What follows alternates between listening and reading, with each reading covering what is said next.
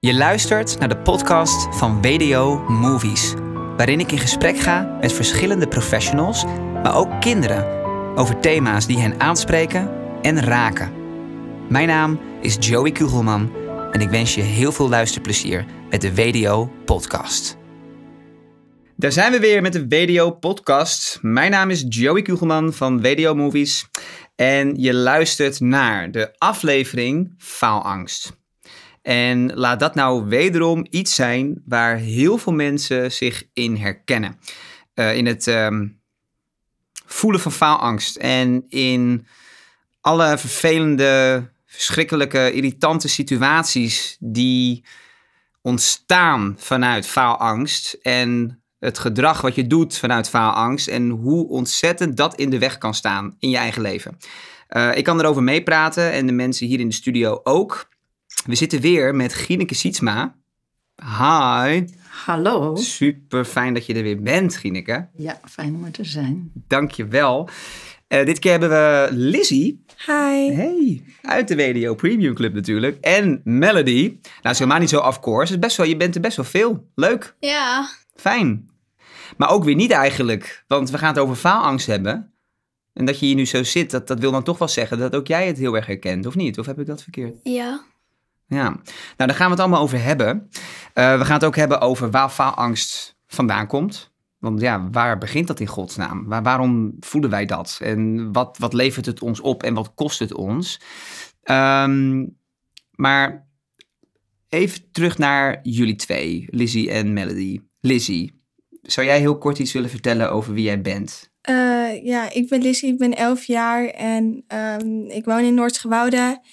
En ja, ik hou heel veel van handballen en dansen. Dat zijn ook echt mijn hobby's om te doen. Ik wil later ook heel graag een professionele handballer worden. En, of een advocaat. En, hmm, Doe maar. Ja, ik, wou, ik wil ook later heel, veel, heel graag ook kinderen helpen. Of, ja.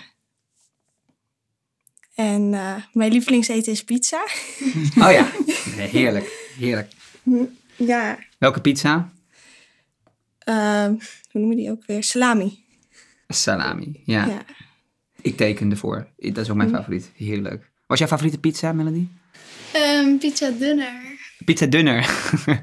pizza, oké, okay, pizza dunner. Oh, oké, okay. lekker, lekker. Wist je dat ze dat ook met pannenkoeken doen? Pannenkoeken met shawarma en zo? Dat je hele rare pannenkoeken hebt? Dat is echt bizar. Die bestaan echt. Dat is echt ongelooflijk. Maar pizza dus, oké. Hey, en uh, Melody, um, hoe heet je en hoe oud ben je? Nou, ik ben Melody, ik ben tien en ik kom uh, uit Zuid-Scharwoude. hey, dat ligt vlakbij Noord-Gewoude, of niet? Ja. ja. Dus jullie kunnen bezig hier naar elkaar zwaaien. Ja. Hallo. Hi, Lizzie. Leuk. En volgens mij zitten jullie ook bij elkaar op school, hè? Ja. ja. Ik zit in groep 8 en zij zit in groep 7. Aha, ja. Ja, wat leuk. En kennen jullie elkaar al voor BDO? Ja. Ja. Dat wel. Oké, okay. leuk. We zitten ook in hetzelfde gebouw, zitten we dus. We zitten Oh, eigenlijk wel best wel dicht bij elkaar. Oké, ja. Nou, leuk. Hey, we gaan het zo even met elkaar hebben over faalangst. Ehm, ik trap eerst even af met Gieneke. Uh, want Gieneke, jij hebt natuurlijk al eerder verteld uh, in de allereerste aflevering van de podcast uh, wat jij doet. Um, nou, laten we dat in het kort nog eens herhalen, stel ik voor. Dat de luisteraar in ieder geval wel weet waar jij vandaan komt.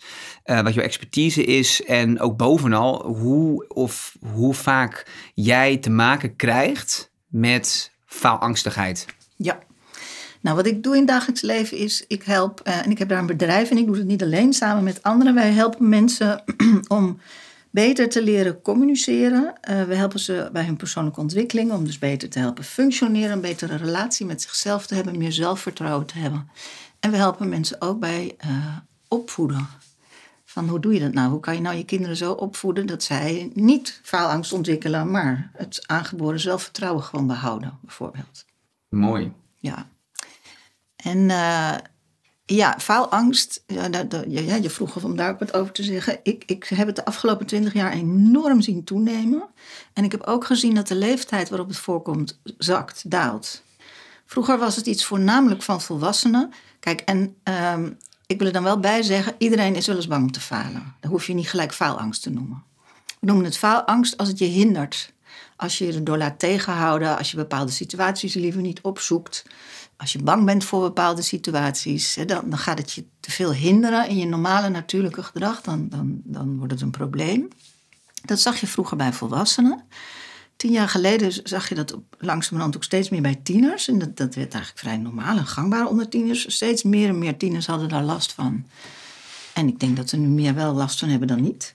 En nu zie ik het ook bij lagere schoolkinderen echt heel snel toenemen. Echt kinderen van 6, 7 die bol staan van faalangst en heel veel al niet meer durven. En gewoon ook echt veel angst ervaren in hun leven daardoor. En spanning. Nou, wat natuurlijk verschrikkelijk jammer is. En als je zo klein bent, dan moet je lekker onbezorgd leren en spelen. Dus het uh, neemt toe en de leeftijd waarop het zich voordoet daalt.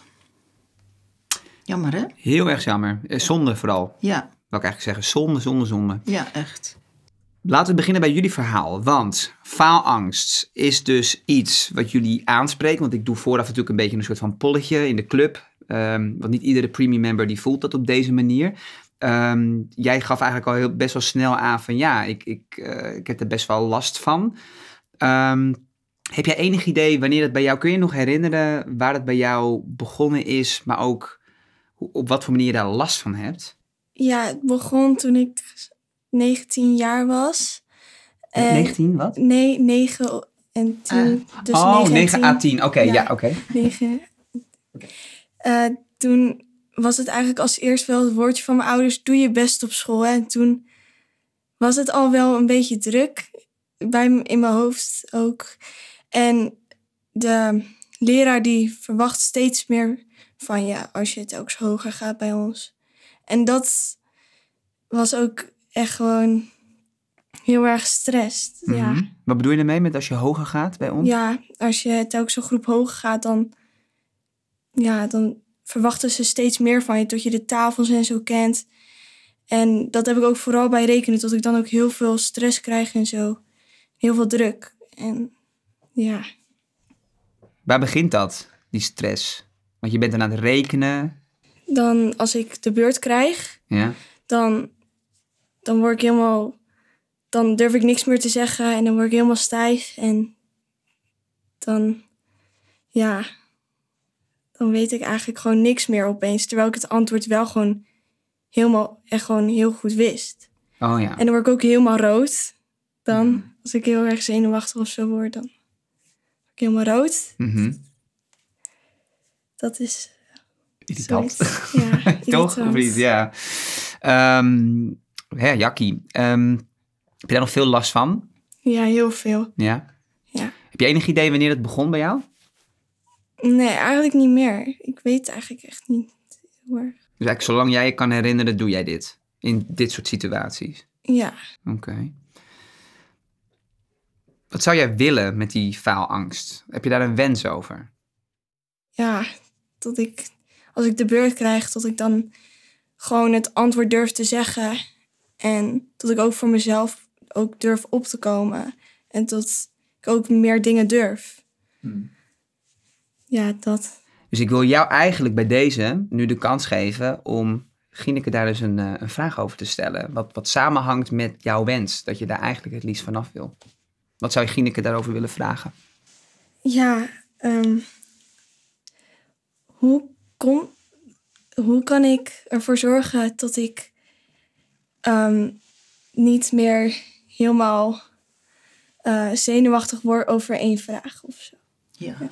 En helemaal stijf ja. en rood. En ja. helemaal nou, in een kramp of zoiets. Hm. Ja. Ik ga jou een heel kort antwoord geven. En dat is zo kort dat ik denk dat je het niet begrijpt. Maar dan heb ik het in één zin samengevat. En eigenlijk heb jij dat net zelf al genoemd. Ik vond dat je het zo goed verwoord hebt. Um, dat, want het antwoord is door het helemaal oké te vinden om mislukkingen te maken. Want de meeste kinderen denken, oh, waarom ben ik zo zenuwachtig? Dat hoeft niet, want ik weet het immers wel. Ik kan het gewoon zeggen, want ik weet het wel. En dan zijn ze toch bang om het fout te zeggen. En dan komt de stress en de spanning. En vaak zeggen ze het dan ook fout.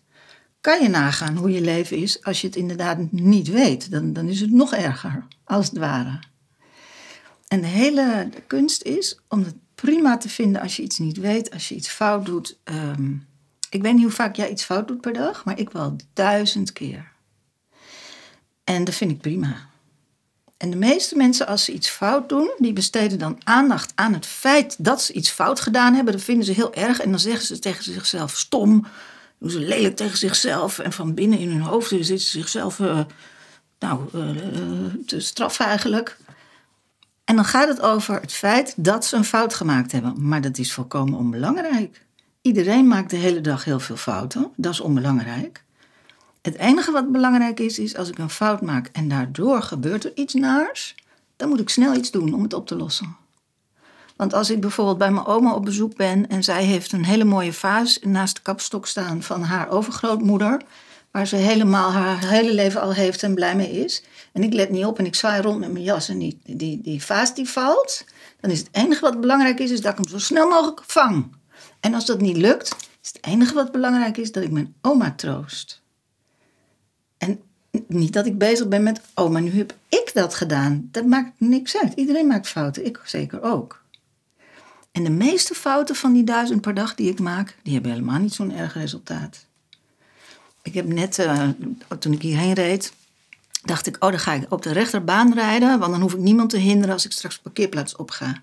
Nou, ik had blijkbaar niet goed opgelet, want er staat altijd al wel een bord of zo, had ik blijkbaar niet gezien. Die baan waar ik naartoe ging, dat werd vlak daarna een busbaan. Dus toen reed ik waar ik niet mocht op de busbaan. Daar wou ik weer af, dus ik weer met mijn knippen naar links. Moest iemand even op mij wachten. Ja, dat, kan je, dat was een mislukking. Dat was een beetje dom. Ja, dat vind ik helemaal oké. En ik vind het niet alleen helemaal oké als ik alleen in de auto zit. Ik vind het ook helemaal oké als er een hele klas met andere mensen bij is die dat zien. Ik vind het zelfs oké als er twintig andere mensen zijn die zeggen: Wat ben jij dom? Dan denk ik: Ja, nee, ik ben heel lief en heel slim ik deed iets doms, dat klopt. En dat vind ik prima. Dus in die ene zin samengevat, als het jou lukt om het oké te vinden dat je ook iets fout zegt, dan ben je nooit meer bang om antwoord te geven. En nou zeg ik, als het jou lukt, dan denk je, ja, hoe lukt mij dat dan?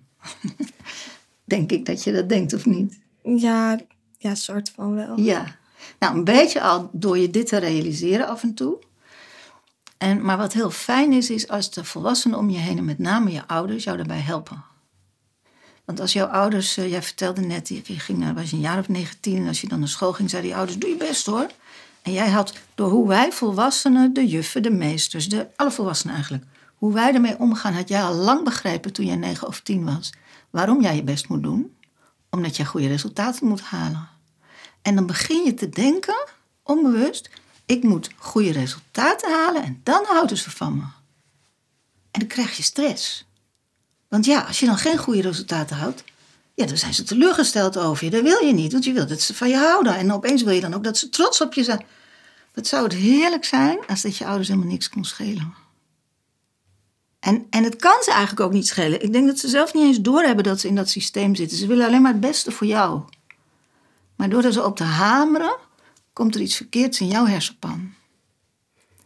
Dus jij kunt er iets aan doen door je te realiseren: ik ga vanaf nu gewoon dingen fout doen en dat vind ik prima. Dit ga ik gewoon doen. Nou, dan vind je misschien in het begin een beetje gek of je durft het niet. Ik kan je verzekeren, je krijgt er geen ziekte van. Je valt niet flauw. Er gebeurt niks ergs. Je vindt het misschien alleen heel raar, maar misschien durf je het toch te doen dan. En je kan het ook met je ouders bespreken. Zeggen, laat mij maar. Ik, uh, ik doe, van nature doe ik al mijn best. Dat vind ik gewoon veel leuker. Mijn best doen is leuker dan niet mijn best doen. hoef je niet steeds te zeggen. Dat gaat vanzelf wel goed. Laat mij maar gewoon lekker naar school gaan. En vind het maar niet erg als ik een keer een slecht cijfer heb. Vind ik ook niet erg. Dan help je je ouders om jou te helpen. Nou, wat denk jij hiervan? Denk je dat, dat daar wil ik wel aan beginnen? Of denk je, oh, dat vind ik veel te moeilijk? Ja, ik wil daar wel aan beginnen. Wel. Wat leuk. Wat super. Nou, dat vind ik heel leuk. En mag ik je dan een tip erbij geven? Ja hoor. Nou, leg het dus uit aan een vriendin of een klasgenoot. Of zorg dat meer mensen dit weten. Dat jullie elkaar kunnen helpen erbij. Als dan jouw klasgenoot jouw rode hoofd ziet, die zegt dan: geef niks als het fout is. En dan denk je: oh ja, ik ga fouten maken. En dan zeg je gewoon het antwoord met je vinger in de lucht. En uh, vaak zal het wel goed zijn. Maar het mag ook gewoon fout zijn, geef niks. En, die, en jij kunt dan ook een ander helpen. Ja. Dus Ja. lekker, lekker veel over praten. En dan even worst case scenario, want ik voel je denken. Ik voel het gewoon. Ik weet niet of het klopt, het is mijn gevoel, maar whatever.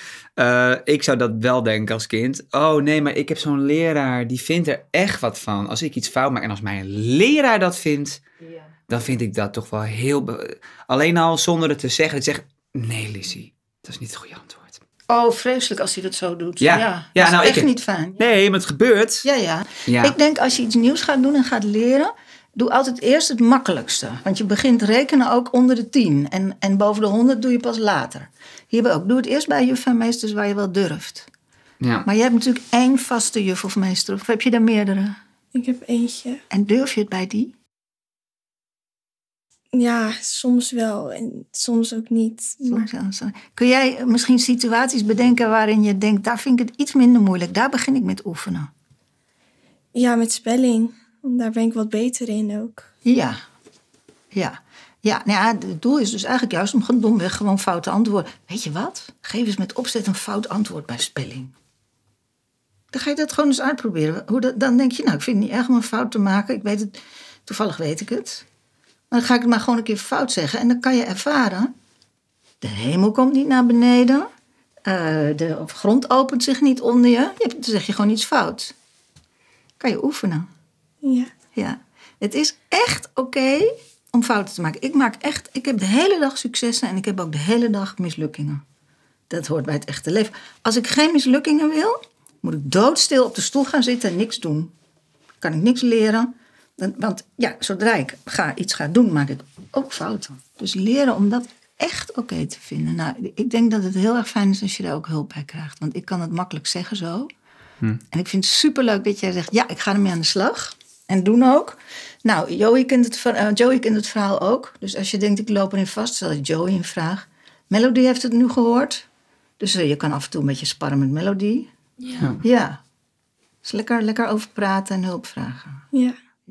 Mag ik één ding zeggen? Je mag heel Tuurlijk, je veel mag zeggen. zoveel zeggen als je wil. Eh, ik ben ook een keer, een keer in therapie soort van geweest. Ik weet niet, ja, ik weet niet meer hoe je dat noemt, maar ehm, daar, ik, was, ik was toen ook soort ook geholpen met faalangst. Dat eh, had wel gewerkt, maar het is wel weer teruggekomen. Ja, en dat, en dat komt omdat het niet aan jou ligt. Het ligt aan de volwassenen om je heen. Is even heel hard hoe ik dat zeg, maar het is echt zo. Dus jij hebt daar geleerd om het anders te doen. En dan moet je terug naar een omgeving waar jou de hele tijd aangeleerd wordt om faalangst te creëren bij jezelf. Ja, Ja, zo krom. ja dat is heel moeilijk natuurlijk. De kinderen moeten niet in therapie. De- De volwassenen moeten leren om het anders te doen. En ik ben blij dat jij therapie had, want het helpt ook altijd wel een beetje fijn. Maar snap je dat het super moeilijk is? Want jij moet dan terug naar de situatie waarin die volwassenen zonder het te willen, dat is hun bedoeling natuurlijk niet, maar ze doen het wel, jou onder druk zetten om goed te presteren. En het is belangrijk. Ja, dan, ik voel nu al druk als ik het op deze manier tegen jou zeg. Ja, ik ook. Oeh. Ja, naar hè? Ja, Ja, en zo doen wij dat wel bij Ja, volwassenen. echt dat is heel zo. jammer. Momentje, snap jij Oh. het, eh Lizzie? Dat, dat jij daar dus niks aan kunt doen. En dat je eigenlijk de volwassenen om jou heen nodig hebt. Ja, Nou, ga ze maar instrueren. ja, Zeg maar gewoon, jongens, niet, niet dit. Ik, ik, eh, ik regel mijn eigen resultaten weer. Vraag me aan of, aan me of het leuk was en niet of het goed ging. Vraag me aan me of ik een leuke dag had en niet of ik eh, mijn sommen goed had. moet dat nu zo? Nee, dat- nee, dat zeg je tegen je ouders, bedoel ik. Oh, Dat zou je toch tegen je ouders kunnen zeggen? ja, La- Laat maar zitten, die tienen en die ene en die vijven en die cijfers. Of een goed of een voldoende wat jij krijgt op school. La- la- de- de- ik, ik wil dat niet. Ik krijg daar druk van. Ik doe lekker mijn best op mijn manier. En vraag me aan mij of ik een leuke dag had. Dat vind ik veel leuker. En als ik een cijfer heb en ik ben er blij mee, wees maar blij voor mij. En als ik een cijfer heb en ik ben er verdrietig over, wees maar verdrietig voor mij. Maar ik vind het niet fijn als jullie het belangrijk vinden. Zou je kunnen zeggen. ja, Ja, jij hebt het, zeg maar hoor, wat je nu denkt. ja. Dat is wel fijner, want als ik thuis kwam, dan was het ook gelijk om die toets. Dat vond ik ook eh, Nee, is echt niet fijn, hè? niet fijn of zo. Nee, is echt Ik had ook wel één keer gezegd van... Mag ik als eerst horen van... Hoe was je dag? Of een hoi. Ja. Zo. Nou, ik, als ik jou was, zou ik met ze afspreken dat je dat graag wilt. Ik zou nog een stapje verder gaan, als jij dat tenminste fijn vindt.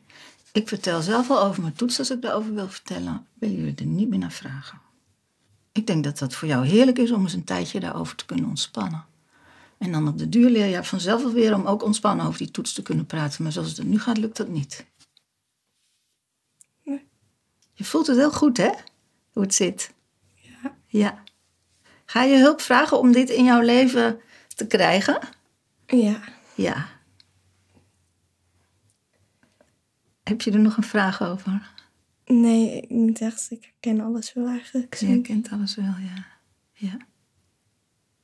Ja. Hoe voelt het zo voor je dat je dit antwoord krijgt? Of deze uitleg? Helpt het je? En zo ja, wat, hoe voel je je daarover? Ehm, het helpt me wel. En ook dat ik gewoon tegen mijn ouders ook moet terugpraten. Tot ik dat ze niet over, gelijk over mijn toets moeten beginnen. Tot ik wel als eerst gewoon een haai of hoe gaat je dag? Hoe, nee, hoe is je dag? Hmm. wil horen. En dat helpt me wel. Om Ja. een soort van op te komen of zo. Ja.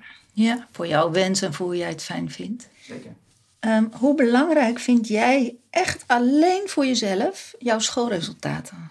Hoe graag wil jij eh, die- school op een bepaalde manier? eh, ja, nou, ik wil wel, zeg maar, in ieder geval wel een voldoende halen. Maar het hoeft niet per se een tien of zo zijn van mijzelf. Maar door, zeg maar, door anderen, dan wil ik wel sneller een tien halen of zo. ja, Maar zelf wil ik dat eigenlijk gewoon helemaal niet. helemaal niet. Nee.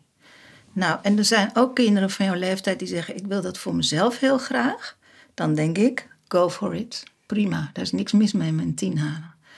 Maar als jij denkt: Ja, ik vind een zes ook fijn en dan voel ik me ontspannen. En ik, ik hoef dat helemaal niet, dat jagen op een tien. Ik krijg helemaal kippenvel, echt nu letterlijk, bij het idee hoe blij ik voor jou ben als je dat gewoon zou gaan doen zo. En dan tegen je ouders zegt: Nee, ik wil het niet. Ik, ik krijg er spanning van. Ik vind een zes ook fijn. En dat jouw ouders jou dan gaan helpen om precies zo hard te studeren en te oefenen en een cijfer na te jagen wat jij fijn vindt. En, en het is heel gek in Nederland, maar in Nederland lijkt het wel alsof er een wet is dat je het hoogst haalbare niveau op school, dat moet je doen. Eh, Ik ken heel veel landen waar dat helemaal niet zo is. Er zitten mensen met VBO-hersenen, die zijn gewoon automonteur. En dat, dat, is, daar, dat vindt iedereen fantastisch. In Nederland moet je dan het hoogst haalbare doen. Sommige mensen vinden dat fijn, het hoogst haalbare. Andere mensen zeggen, nee, ik wil ook spelen en om me heen kijken en in de zon lopen. En ik wil helemaal niet het hoogst haalbare. Nou, ik, ik, ik wens jou toe dat je je eigen manier gaat doen. Dat je dat durft te zeggen en ervoor op gaat komen. Ik wens dat ook voor mezelf. Ja, fijn. Mooi.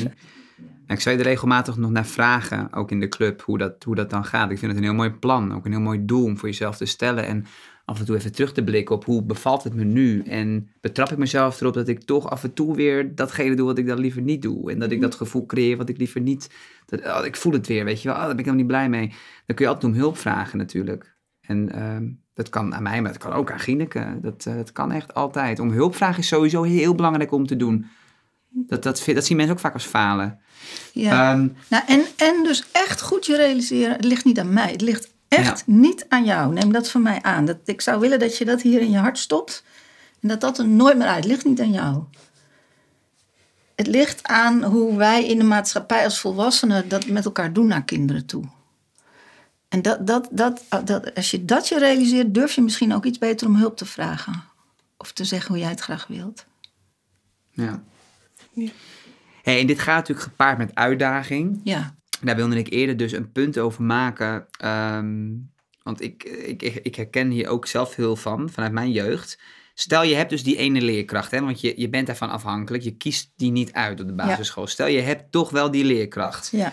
En eh nou, net week ik een beetje uit naar het voorbeeldje, maar dat deed, dat deed mij dus denken aan die leerkracht die ik vroeger had. Dat Als je iets fout had, dan, dan vond hij daar echt wat van. En dan, Minachting. hoe zag ik? Minachting, Ja. inderdaad. Ehm, heel denigrerend, heel erg kleinerend. En andere kinderen gingen daar dan ook in mee. Ja, ja. Weet je wel dat? Ja. En er werd er niks van gevonden. En dan ja, is mijn stem in mijn hoofd als kind heel lang geweest. Zie je wel, zie je wel.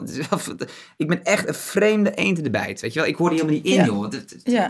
Dat, klopt iets niet met mij. Ja. Maar stel je dat je zo'n leerkracht hebt, hè? En bijvoorbeeld, stel, Lizzie, nou godzijdank voel jij je dus wel wat dat betreft veilig bij jouw leerkracht. Dat zei je toch? Dat je- Ja, ja, dat- ja. Beetje tussenin. het. Beetje tussen- tussenin. Maar wel veilig genoeg om dit te doen, toch? Ja, ja. Dat, dat vind ik dus al heel, ja, Min of meer, zegt ze. min of meer. Ja. Oké, nou ja, goed. Maar dan maak je voorbeeld af. Stel je Ja, ik voor, maak mijn voorbeeld je even af, daar kunnen we zo nog op ingaan. Niet, fijn, een leerkracht die ja, dat niet fijn stel doet. even, het is helemaal niet min of meer. Het is gewoon echt totaal onveilig. Dat En- gebeurt, Ja, dat gebeurt. Wat, wat is jouw tip aan die kinderen die hier dus bijvoorbeeld naar luisteren? Die willen hiermee aan de slag, maar die durven dat nooit tegen hun leraar te zeggen natuurlijk. Maar die weten dit wel. Die denken, ik heb die leerkracht, die, die doet dit gewoon niet handig. Ehm, als ik een fout antwoord geef, dan, dan maakt hij mij gewoon belachelijk. Misschien bedoelt hij het niet zo, maar hij doet het wel. Ja. Wat is jouw tip aan die kinderen? En dan voel ik me super klein en, en raar Ja. en gek en dom en niet Ja. goed genoeg. En, eh, Precies. ja, mijn tip aan die kinderen is, eh, ik, ik hoop dan voor die kinderen dat zij ouders hebben die hiervoor openstaan. Dus mijn tip is, laat deze podcast luisteren aan je ouders en praat met hen erover hoe dat voor jou is bij die leraar. Zodat zij jou thuis ja, bijna een soort tegengif kunnen geven. Want als je ouders, zonder dat ze dat doorhebben, eh ze, ze willen jou steunen. En zelfs al praat je over hoe die leraar dat doet. Als die ouders zeggen, joh, trek je er niks van aan. Of, dat, dat helpt niet, hè. Dan denk je, oh, ze snappen niet hoe erg het is. En dan voel je je alleen. Of je ouders zeggen, nou, doe dan ook wat harder je best. En dan hoef je ook geen foute antwoorden te geven. Nou, dan wordt het erger van. Ouders denken op allerlei manieren hun kinderen te stimuleren die soms niet helpen. Dus de tip is, leg dit uit aan je ouders. Zeg wat jij nodig hebt. Dat is waar we het vanmiddag over gehad hebben. En dan kunnen zij jou een soort, ja, bijna tegengif geven voor die situaties. En thuis heel duidelijk steeds tegen jou zeggen... wij houden van jou om wie jij bent.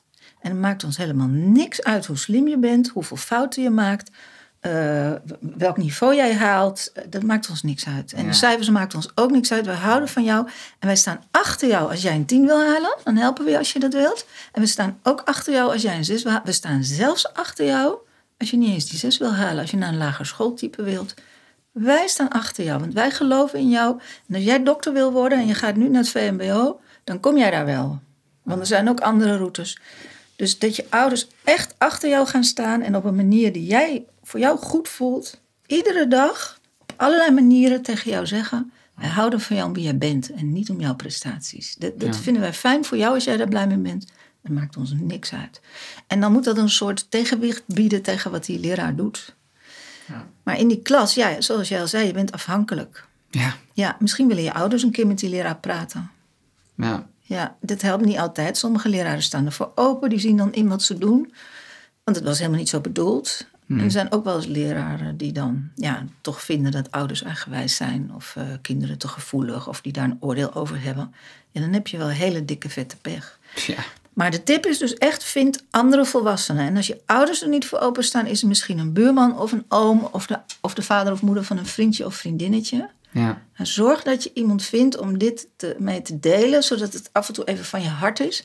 En die echt tegen jou kan zeggen: Nee, het is niet zo dat jij dom bent of niet goed genoeg of er niet bij hoort. Ik snap dat je dat denkt, maar het is echt niet waar. En jij bent waardevol om wie jij bent. ja. Dat, dat je die boodschap krijgt van een volwassene. ja mooi. En dat moet je dan maar zelf bij elkaar zien te fietsen. Ja. Maar dat is dan dus de tip. Ja, ja. Zeker. Ja, nou, eh, dat is een dikke, vette tip. Eh, Melody, jij hoort dit allemaal zo aan. Ehm, helpt dit jou, Ja. alles wat hier besproken wordt? Waar helpt dit jou bij? Ehm, nou, dat je eigenlijk, dat iedereen eigenlijk altijd wel 10.000 fouten op een dag maakt. Maar ik had vooral, ik heb het vooral echt met nieuwe vrienden maken op campings bijvoorbeeld. Denk van, wat nou als ik, wat nou als ik echt mezelf ga zijn? Zouden ze me dan raar gaan aankijken of zouden ze me dan raar vinden? Of ehm, wat nou als ik een grap maak of zo en eh, ze, zouden, ze vinden me niet leuk of ze willen geen vrienden met me zijn, dan doe ik dit ook voor Jan laat ik het zo zeggen. Dus dan probeer ik vrienden te maken en dan denk ik dat ze me leuk vinden, terwijl dat niet zo, terwijl ik dan denk dat het niet zo is. Maar dat, dat ze wel eigenlijk me aardig vinden en Oké.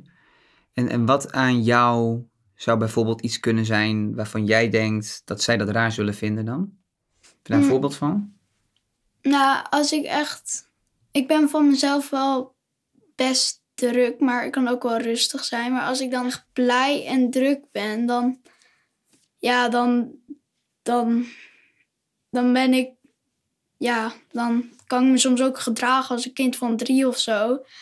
En dan ben ik bang als ik dat dan bij iemand doe die ik niet ken en ik wil graag vrienden met hem of haar worden, dat diegene me dan raar aankijkt of zegt van wat doe jij nou, dat is echt gek. Of van ja, dat ze, dat ze me niet mogen dan. Hmm. Hey, en heb je dat ook wel eens meegemaakt dat ze je niet mogen? Mm, nou, ik heb wel eens meegemaakt dat ik dan vrienden met. eh, ja, dat wa- was met drie jongens op een camping. Toen wou ik heel graag met hun eh, vrienden worden. En eh, ik was toen heel enthousiast, heel blij, heel druk. En ehm, ja, toen eh, had ik dus weer die ene situatie dat ik me gedraagde als kind van drie of zo. En ehm, ja, toen maakte ik een grapje of zo en toen keek ze me heel raar aan. En ja, toen dacht ik bij mezelf van, is dit gewoon, vinden ze me aardig of vind, denk, kijken ze me raar aan, vinden ze me niet leuk? Toen zat ik heel erg te twijfelen van of we nou vrienden zijn of niet. Of, nou, of ze me mogen of dat ze, dat ze me raar vinden of zo. Hoe erg is het als iemand jou raar vindt of niet mag? Ja, ik vind dat een beetje als zoiets. ge- Ja, als ik bang ben dat iemand me niet mag, dan ben ik alleen bang dat ik mezelf voor schu- schut zet. Ja. En eh, voor schutzet betekent eigenlijk dat jij iets doet wat zij heel stom vinden. Ja, heel raar. Heel raar. En dan, en dan schaam jij je. Ja, Ja. echt raar. Niet alleen stom, maar gewoon echt raar, zodat jij je dan schaamt. Ja, en dan denk, en denk gewoon van, ja, dit worden waarschijnlijk geen vrienden, jammer. Ja, wat vind je het ergst aan die situatie? Dat ze jou zo raar vinden? Ja, dat Of dat het uiteindelijk dan, ja, het matcht niet, dus het worden geen vrienden. Ik vind dan dat ik mezelf gewoon echt voor schut zette en dat ik probeerde vrienden te maken, maar dat hun me eigenlijk niet moog, Ja. mochten. Ja. En Weet je, als je je zo voor schut voelt staan, dan is er iets aan de hand altijd. En dat is dat je denkt dat iemand jou stom vindt. Of het is ook zo, dat maakt me niet zoveel uit. En wat er dan aan de hand is als je je voor schut voelt staan en schaamt, is dat jij dat dan ook gelooft op dat moment. ja, Dus zij vinden jou, ik gebruik maar even het woord stom, hè, maar het is dus heel raar en apart en weer voor schut. Maar ik gebruik even het woord stom. Zij vinden jou stom. En dat, ja, dat is ongezellig, want dan kan je geen vrienden zijn, dan is er niet zoveel aan. Erger is het eigenlijk niet. Het wordt pas heel naar als jij dan jezelf stom vindt. En als jij je voor schut voelt staan, dan weet ik wat er aan de hand is. Dan heb jij dat oordeel wat zij hebben, of wat jij denkt dat ze hebben, dat over jezelf, dat negatieve oordeel, heb je overgenomen. En dan schaam je je heel erg. ja, Terwijl zou jij vrienden willen zijn met iemand die eh, op jou neerkijkt, of jou stom vindt, of jou veroordeelt? Of zou, zou dat een goede vriend voor jou zijn?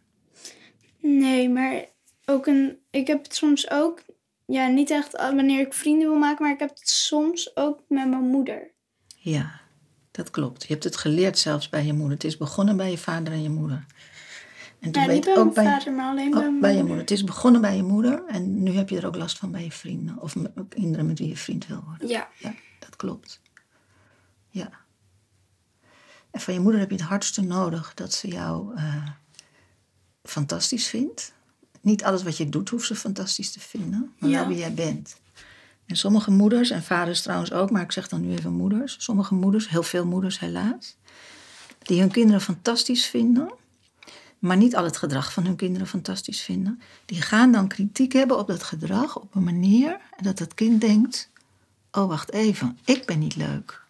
Terwijl die moeder alleen maar bedoelt: ik vind jou heel leuk, maar jouw gedrag op dit moment niet. ja. Die vergeten om aan jou duidelijk te maken: dit gaat over jouw gedrag, niet over jou, jou want jij bent fantastisch. Ja, daar zit ik de laatste tijd vooral mee. Ja, dat is heel moeilijk als dat met je eigen moeder zo is. Ja, En eh, nou, dat is misschien ook iets om met haar te bespreken. ja, Ze zegt, mama, als je het zo zegt, dan denk ik dat ik stom ben, niet deug, eh, raar. En dan schaam ik me, dan voel ik me zo verschut staan. Want dan denk ik dat het over mij gaat. Ja, wil je er duidelijk bij zeggen dat je het over mijn gedrag hebt. Ja. Want als mijn moeder dan iets verwacht van mij of zo, dat ik mijn kamer opruim of zo. En dan ben ik dat vergeten, dan wordt mijn moeder boos op me. En dan denk ik van, oh ja, dat moest ik doen, maar Ja. ik vergeet de laatste tijd heel veel dingen. En dan wordt ze boos op me en denk van, oh ja, dat moest ik doen, want stom van me. Ja. En het dan- is niet stom als je het vergeet. Ja, maar dan, maar dan wordt ze dus boos. En dan En dan denk jij, ze houdt niet van me. Want Ja. dat lijkt op dat moment ook zo. Oh, bijvoorbeeld gisteren, ehm, ik moest dus, ehm, ik was dus mijn bed aan het ehm, verschonen, dus nieuwe lakens erop en dat soort dingen. Nou, ehm, ik, ik kreeg die matrashoesen niet om. Nee. En, mijn, en het- na een paar keer lukte het. Maar mijn moeder zei van, moet ik anders even je zus roepen? En ik zei van, nee hoor, hoeft niet. En uiteindelijk, nou, ehm, en uiteindelijk had mijn moeder het toch gedaan. En toen, ja, toen had ik hem al. En daarna viel hij weer af en zei van, oh nee, ik heb hem niet. En toen werd mijn moeder dus helemaal pist. Zei ze van, ja, je hebt je zus dus wel nodig, bla bla bla. En dacht, en dacht ik van, ja, maar ik dacht toch dat ik hem had. Dus Ja. Vaders en moeders, vaders en moeders, die zouden nooit boos moeten zijn. ja, Ze zouden wel duidelijk moeten zijn. Ze zouden ook regels moeten stellen. Ze mogen ook eh, een consequentie geven. Je zeggen van eh, als jij je broertje slaat, moet je maar even vijf minuten nadenken op je kamer. Of ze, dat mogen ze allemaal doen. Maar ze zouden het nooit boos mogen doen. En dat Ja. doen ze helaas wel soms. maar toen liep ze dus boos naar beneden. Mhm. Nou, ik ben de laatste tijd, moet ik heel snel huilen. Dus ik, Ja.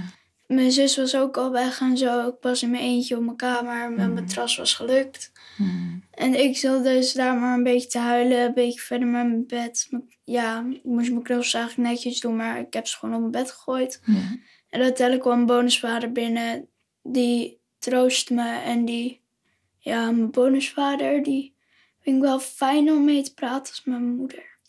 Ja, dat, ik zie hoe verdrietig je daarover bent. Ja, Dat is ook heel verdrietig. En tegelijkertijd ook weer heel fijn dat hij er dan ook is. Kon je maar net zo goed met je moeder en praten. uiteindelijk had, hadden mijn bonusvader en ik heel lang eh, gepraat. En eh, over hoe, hoe ik het anders zou kunnen doen. Maar ja, ik deed het wel goed. Je deed het helemaal goed. Je hebt niks verkeerd gedaan. Als, Ja. als het zo gegaan is als jij vertelt net, heb je niks verkeerd. En zelfs al doe je iets verkeerd, jij bent te lief om boos op te zijn. En meer je- van, hij zei meer van, eh, als je, ja, hij verwachtte niet echt dingen van mij.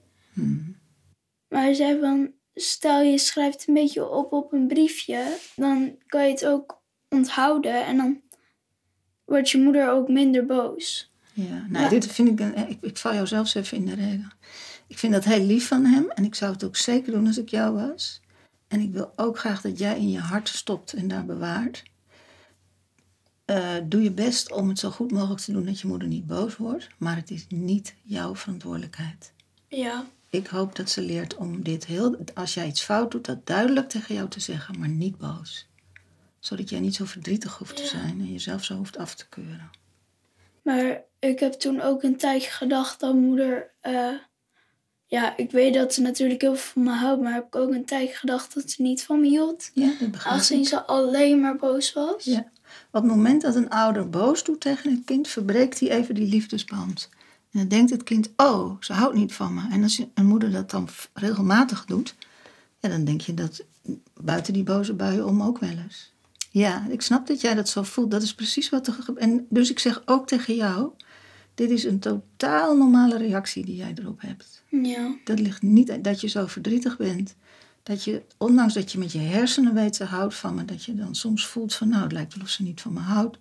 Dat je daar heel verdrietig over bent. Dat je je soms een beetje moedeloos voelt. En dat kan ik aan je zien als je erover praat.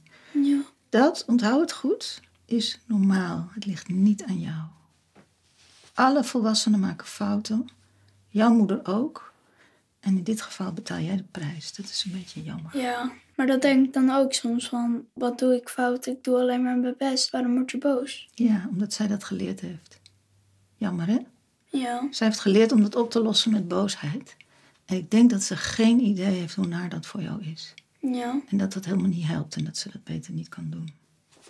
Dat denk ik, anders zou ze het denk ik niet doen. En, en misschien weet ze gewoon ook niet wat ze moet doen in die situatie. Ouders worden vaak boos als ze zich even machteloos voelen. Dat is niet goed, maar dat doen ze wel. Dus ja, ik denk daarom, dit ligt niet aan jou. Wil je het alsjeblieft heel goed onthouden? Ja. En jij zult heus wel eens vervelend gedrag vertonen. Dat, ik doe dat ook, iedereen doet dat. Het is nooit een reden om boos tegen jou te doen.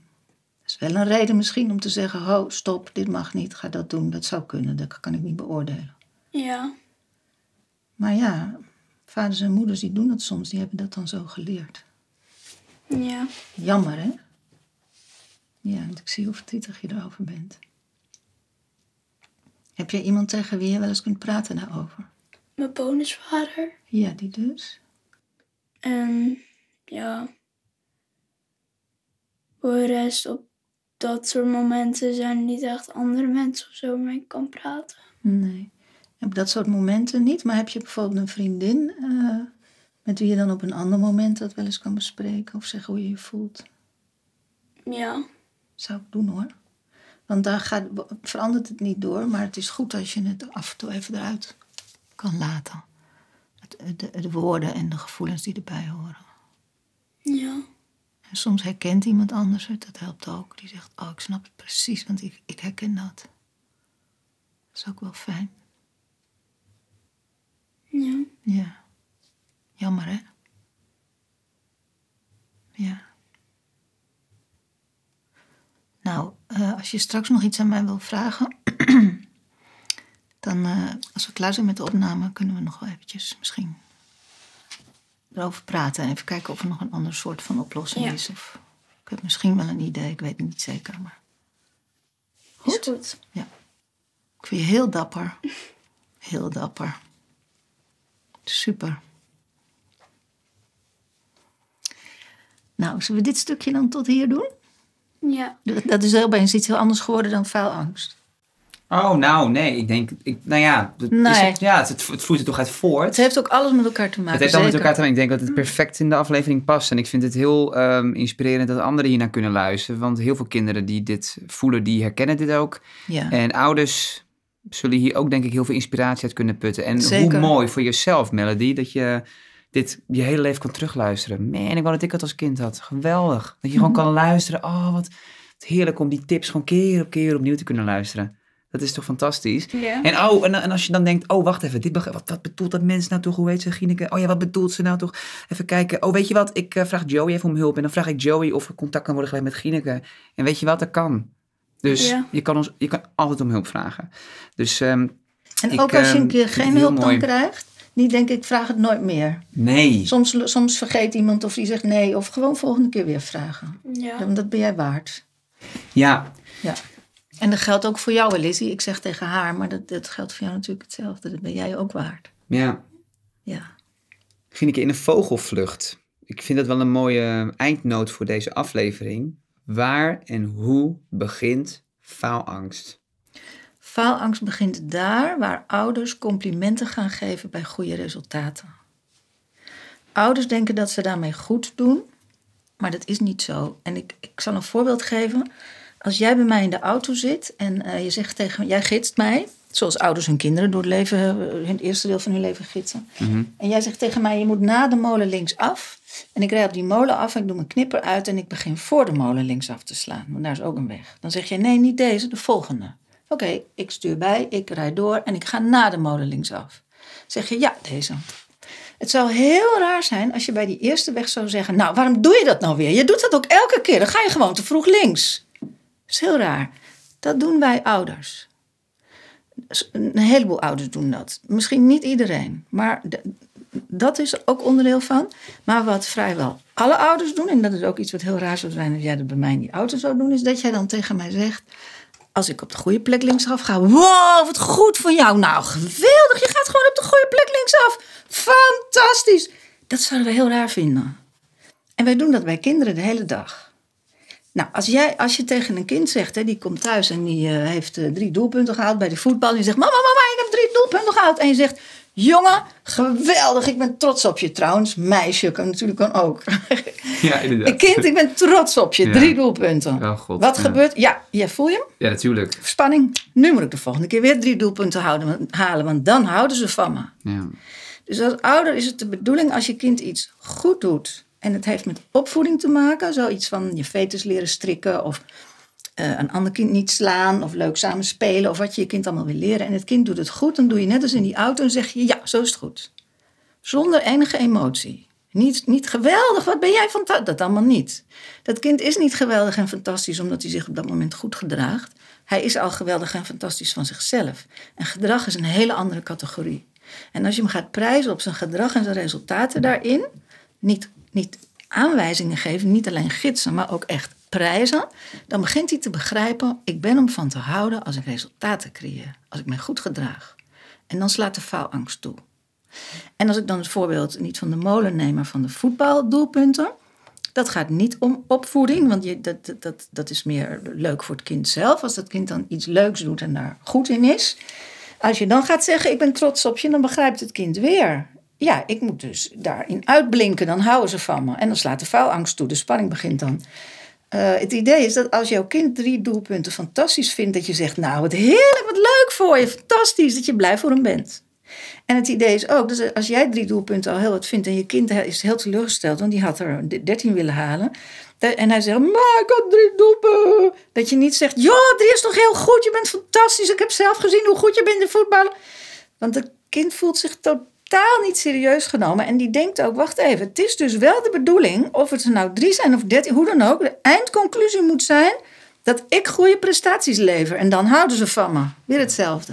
Dus als mijn kind thu- thuis komt met drie doelpunten en hij vindt het te weinig, zeg ik, joh, wat jammer. Nou, harder oefenen, haal je de volgende keer misschien meer. En duidelijk blijkt dat het mij niks kan schelen. Het kan mij niks schelen. Wat mij iets kan schelen is hoe mijn kind zich voelt. En als die tevreden is met zijn resultaten, ben ik blij voor hem. Is die ontevreden met zijn resultaten, vind ik het jammer voor hem. Ik deed het zelfs met de schoolresultaten. Als ze thuis kwamen en ze hadden een acht, dan zei ik, nou, ben je er blij mee? En als ze zeiden, nee, ik wou een tien, dan zei ik, nou, jammer, volgende keer eerder beginnen met leren. En als ze een, een drie hadden en ik zei, ben je er blij mee? En ze zeiden, ja, eigenlijk eh, had ik nog minder kunnen doen. Want als ik een twee had gehad, stond ik ook nog een zes. En ik hoef voor het vak niet meer dan een zes. zei ik, nou, de volgende keer wat rustiger aan doen dan maar. het Ja, is hun heerlijk, leven, ja. het zijn Oh, hun ja, resultaten. Ik ben Ja. er blij mee voor hen als zij blij zijn. Ja. Ik vind het jammer voor hen als zij het jammer vinden. Ik ben niet trots. Mijn kind had een keer een geweldige leerprestatie gehaald. En iedereen Ja. zei, nou bent u zeker wel trots? Ik zei, nee. Verschrikkelijk. Ik ben helemaal niet trots. Ik hou zielsveel van haar en het kan me niks schelen. Als zij dit leuk vindt, ben ik blij voor. betekent ook heel veel voor scholen. Ehm, Nog een kleine toevoeging hoor. Want ik, eh, ik sprak met twee schoolhoofden en die vertelden me... Ja, maar het, eh, lekker boeiend of die films mooi zijn of niet. Eh, het gaat erom dat die kinderen trots zijn Nee. op wat ze doen. Trots is een hele destructieve emotie. Maar Ja. daar kunnen we een hele podcast nog mee Daar vullen. kunnen we nog een hele andere Maar podcast trots is echt een destructieve emotie. En eh, dat is een jaar of twintig uit Amerika, geleden uit Amerika komen overwaaien. En wij, ik kreeg van de week een rouwkaart van een eh, volwassen, een, vrouw van middelbare leeftijd, die, die gestorven was. En daar hadden de nabestaanden van alles opgezet, onder andere, wij zijn trots op haar. Toen dacht ik, ach, een mens in de kist moet ze nog presteren, moet er nog trots op haar geweest zijn. Oh, nee. Laat met rust. Wat erg, Het ja. is, ja, en ik, Ja, ja, dit is vooral. nu misschien een beetje kort door de bocht. Nee. Want daar, daar kan je echt wel. Maar het is echt een destructieve emotie, neem het van mij aan. Dus kinderen, meisjes, ontspan maar. Niemand hoeft trots op jullie te zijn. Ze houden van jullie, dat is genoeg. En hou maar van jezelf en heb maar plezier in het leven. Ja. En of je dan een 6 haalt of een 10, wat maakt het uit wat jij wil. En als je de volgende keer liever een 12 wil, ga er keihard voor. En als het mislukt, zeg je, ha, mislukt. En dan ben je zelf nog net zo prachtig en lief als je daarvoor was. ja. En Lizzie, jij wilde nog wat vragen en daarna gaan we afronden. Ja, ik eh, had het hetzelfde ook met sport, want ik zit ook op handbal. En ik had ook, ook wel een, ja, ook een soort van fase of zo gehad... waar ik niet meer wou handballen, omdat er te veel druk op me werd gezet. Ja. Omdat ze me zagen als het beste van het team. Oh en ja, dat wou ik ook vreselijk. niet.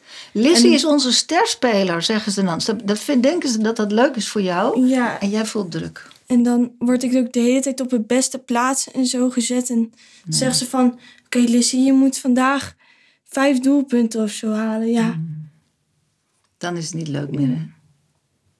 Dat is niet jouw manier van leren. Dat, dat van de meeste kinderen niet. Nee.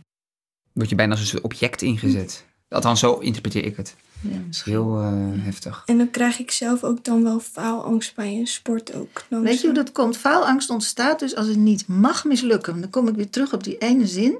Hoe kan ik het anders doen? Sta jezelf toe om net zoveel mislukkingen als successen te creëren. De hele dag ook mislukkingen. Maar als ze dan zeggen, je moet vijf doelpunten halen. Help, het moet. Ja, hoe kan ik dat nou garanderen? Dan dan krijg ik heel veel stress. Want, want als het mislukt is het dus opeens heel erg. Nee, het mag allemaal mislukken. Mag er ook nul zijn. Er gaat helemaal niemand dood als jij nul doelpunten haalt. Ja. Dat is prima.